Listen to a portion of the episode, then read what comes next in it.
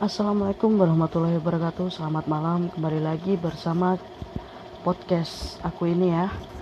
Uh, Kita akan sering-sering berbagi informasi dan uh, cerita-cerita uh, untuk hari ini Dan apa yang lagi update untuk hari ini. Jadi kita akan mencoba untuk share itu semua ke kalian ya. Jadi yang seperti kita tahu ini lagi rame-rame banget ya tentang virus corona ya COVID-19 atau nama ilmiahnya itu itu ya COVID-19 jadi jenis virus ini tuh nggak tahu ya penyebarannya itu kalau pertama kali itu datang dari Wuhan. Kita udah tahu ya di berita-berita udah dijelaskan pertama kali virus ini datang itu dari Wuhan kota asalnya ya. Dan penyebarannya itu sangat cepat sampai-sampai di kota Wuhan ini sendiri dia lockdown. Jadi di apa ya akses untuk keluar masuk itu dibatasin banget gitu. Benar-benar nggak bisa dari negara lain masuk ke Wuhan itu benar-benar nggak bisa. Ibarat kata misalkan kita sebuah kota ya dari dari kecamatan ini kecamatan ini itu nggak bisa masuk gitu. Karena emang Wuhan lagi memperbaiki diri untuk recover uh, warganya yang terpapar virus tersebut gitu kan. Dan bukan hanya di sosial media ya kita dalam keseharian pun entah itu karena media sosial yang terlalu memblow up atau yang selalu masuk trending dalam pembawaan artikel kita semua itu sudah seperti konsumsi setiap hari itu. Kita ngomongin seolah-olah kita itu merasa apa ya kita tuh merasa tahu gitu. Kita merasa tahu dan ya emang emang emang tujuannya pemberitaan tuh seperti itu ya. Cuman masalahnya takutnya apa yang kita serap itu bukan yang sesungguhnya gitu loh guys.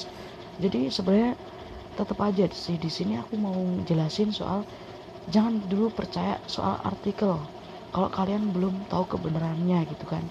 Karena bisa jadi apa yang kita sampaikan ke orang bisa jadi kita itu nggak benar gitu kan. Karena kita hanya memandang dari satu sisi.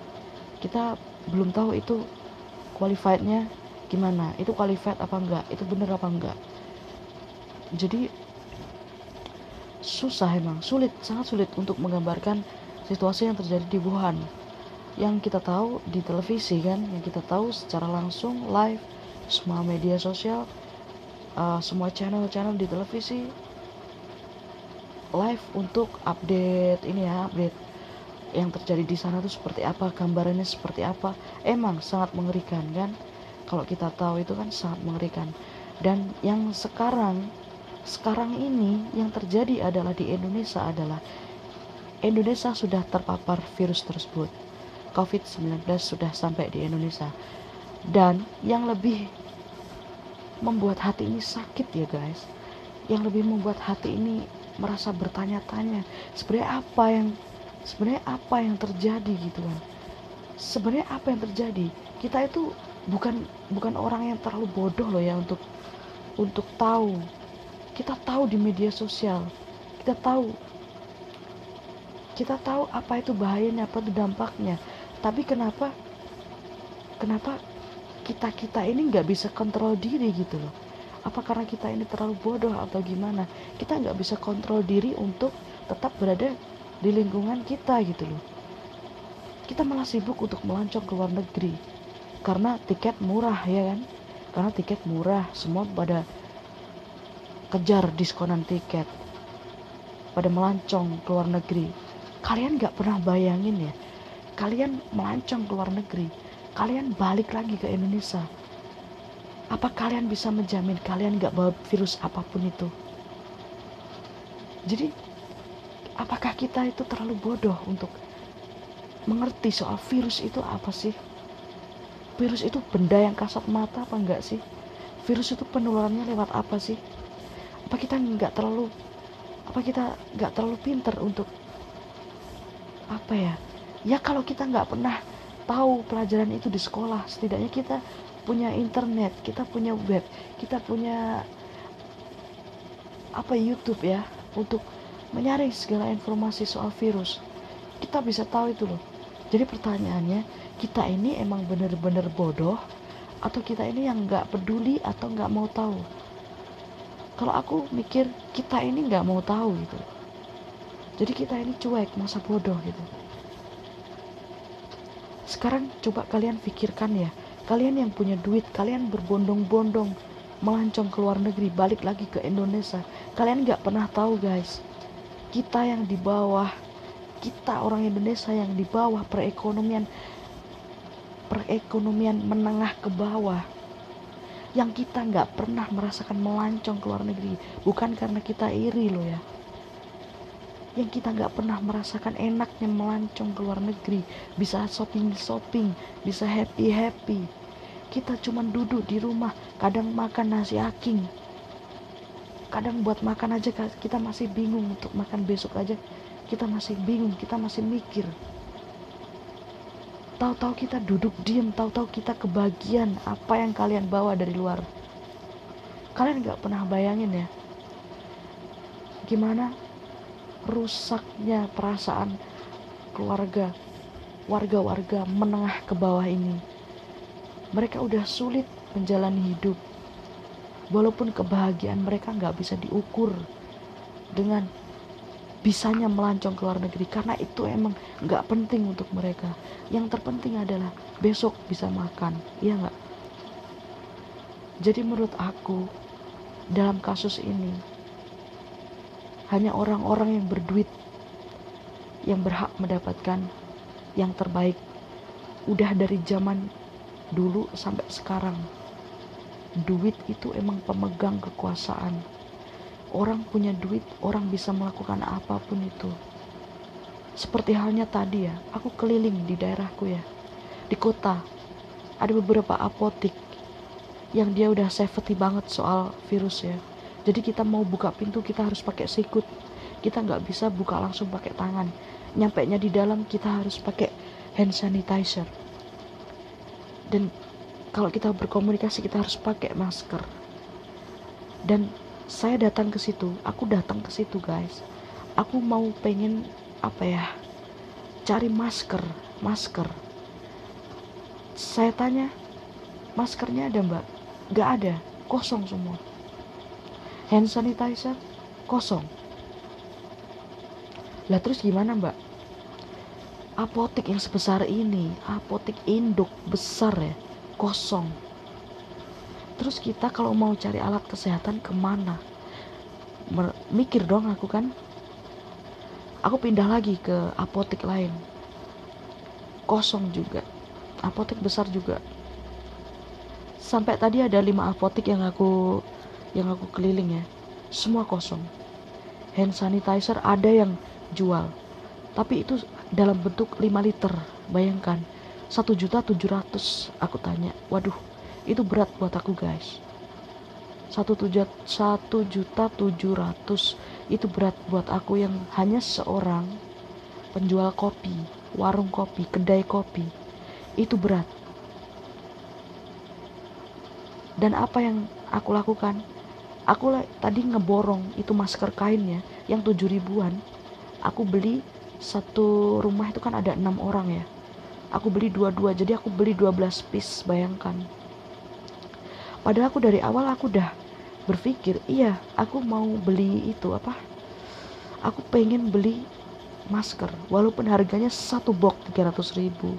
Aku udah siapin uang 300 ribu guys. Jadi aku pengen ngeborong itu pengen beli itu masker ya? Gak ada satupun.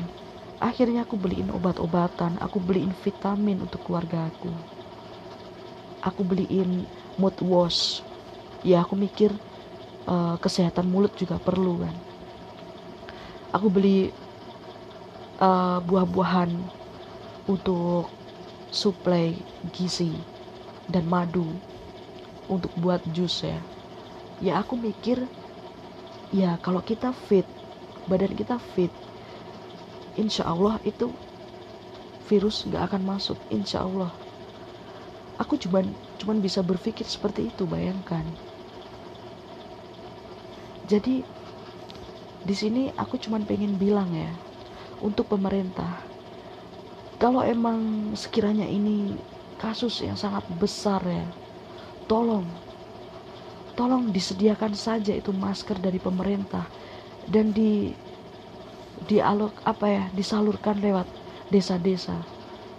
Kalau perlu ya kalau perlu anggaran yang untuk pemerintah desa itu dibekukan dulu ditangguhkan dulu.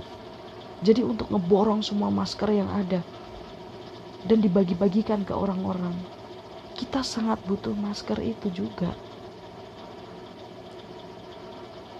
karena kita berhak mendapatkan itu sebagai wujud dari filosofi keadilan sosial filosofi Pancasila kan?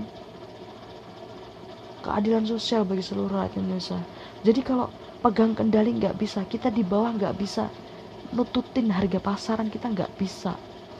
Jadi kalau emang orang-orang ini nggak pernah bisa dihandle dia udah main naikin harga itu udah keren banget harganya udah tinggi banget. Masker 50 50 helai. Itu 300 ribu. Ada yang jual 375 bayangkan. Dan aku juga denger-denger di, di Jakarta udah jutaan malah harganya. Satu box. Isi 50 lembar ya. Ya kalau begitu caranya kan kenapa nggak pemerintah aja yang pegang kendali? Pemerintah yang pegang kendali suplai semua masker untuk orang-orang. Lewat desa-desa kan lewat kelurahan kan. Ya di sini aku cuman bisa ngomong seperti itu ya guys. Mungkin kalau ada salah-salahnya mungkin karena pengetahuanku yang sangat kurang. Ya sekali lagi stay safe buat kalian semua. Semoga kita selalu diberikan uh, kekuatan dan kesehatan untuk menjalani segala aktivitas kita. Kita nggak mungkin guys untuk selalu berdiam diri di rumah guys. Kita juga butuh makan. Jadi untuk kalian yang mungkin sepemikiran dengan saya ya yang mungkin selalu beraktivitas di tengah wabah seperti ini ya bismillah saja. Dengan segala pengamanan yang mungkin ya minimal hand sanitizer dan masker ya dan di, diusahakan untuk untuk jaga jarak ya. Intinya jaga jarak antar antar orang gitu itu emang penting banget gitu. Jadi kita nggak usah pegang-pegang apalah intinya pokoknya meminimalisir segala macam jabat tangan atau apa nggak apa-apa untuk sementara. Jadi stay safe untuk kalian. Semoga kita bisa melewati semua ini bersama-sama ya guys. Saling mendoakan saling saling berusaha yang terbaik untuk diri sendiri dan untuk lingkungan sekitar saling menyadari uh, maraknya wabah ini dan semoga semua ini cepat berlalu dan kita akan kembali menata keseharian kita, menata aktivitas kita kembali seperti sedia kala. Amin. Amin ya rabbal alamin. Sekian dulu podcast dari aku kali ini ya. Ya mungkin agak random, tapi cuman itu di hati aku yang pengen aku obrolin ke kalian, yang pengen aku share ke kalian. Itulah keluh kesah aku dan sedikit pengetahuan aku soal wabah ini ya mungkin bagi kalian yang menyukai podcastku bisa di, di, di like atau di share ke teman-teman kalian ke media sosial kalian dan itu sangat membantu banget untuk support semangat aku ya untuk selalu berbagi apa pun itu yang pengen aku share ke kalian. Ya mungkin sedikit banyak. Mungkin ada manfaat atau enggaknya mungkin aku nggak tahu ya. Yang penting kalian bisa memahami dan dapat mengambil hikmah dari apa yang yang telah aku omongin ya. Sekian. Selamat malam dan selamat beristirahat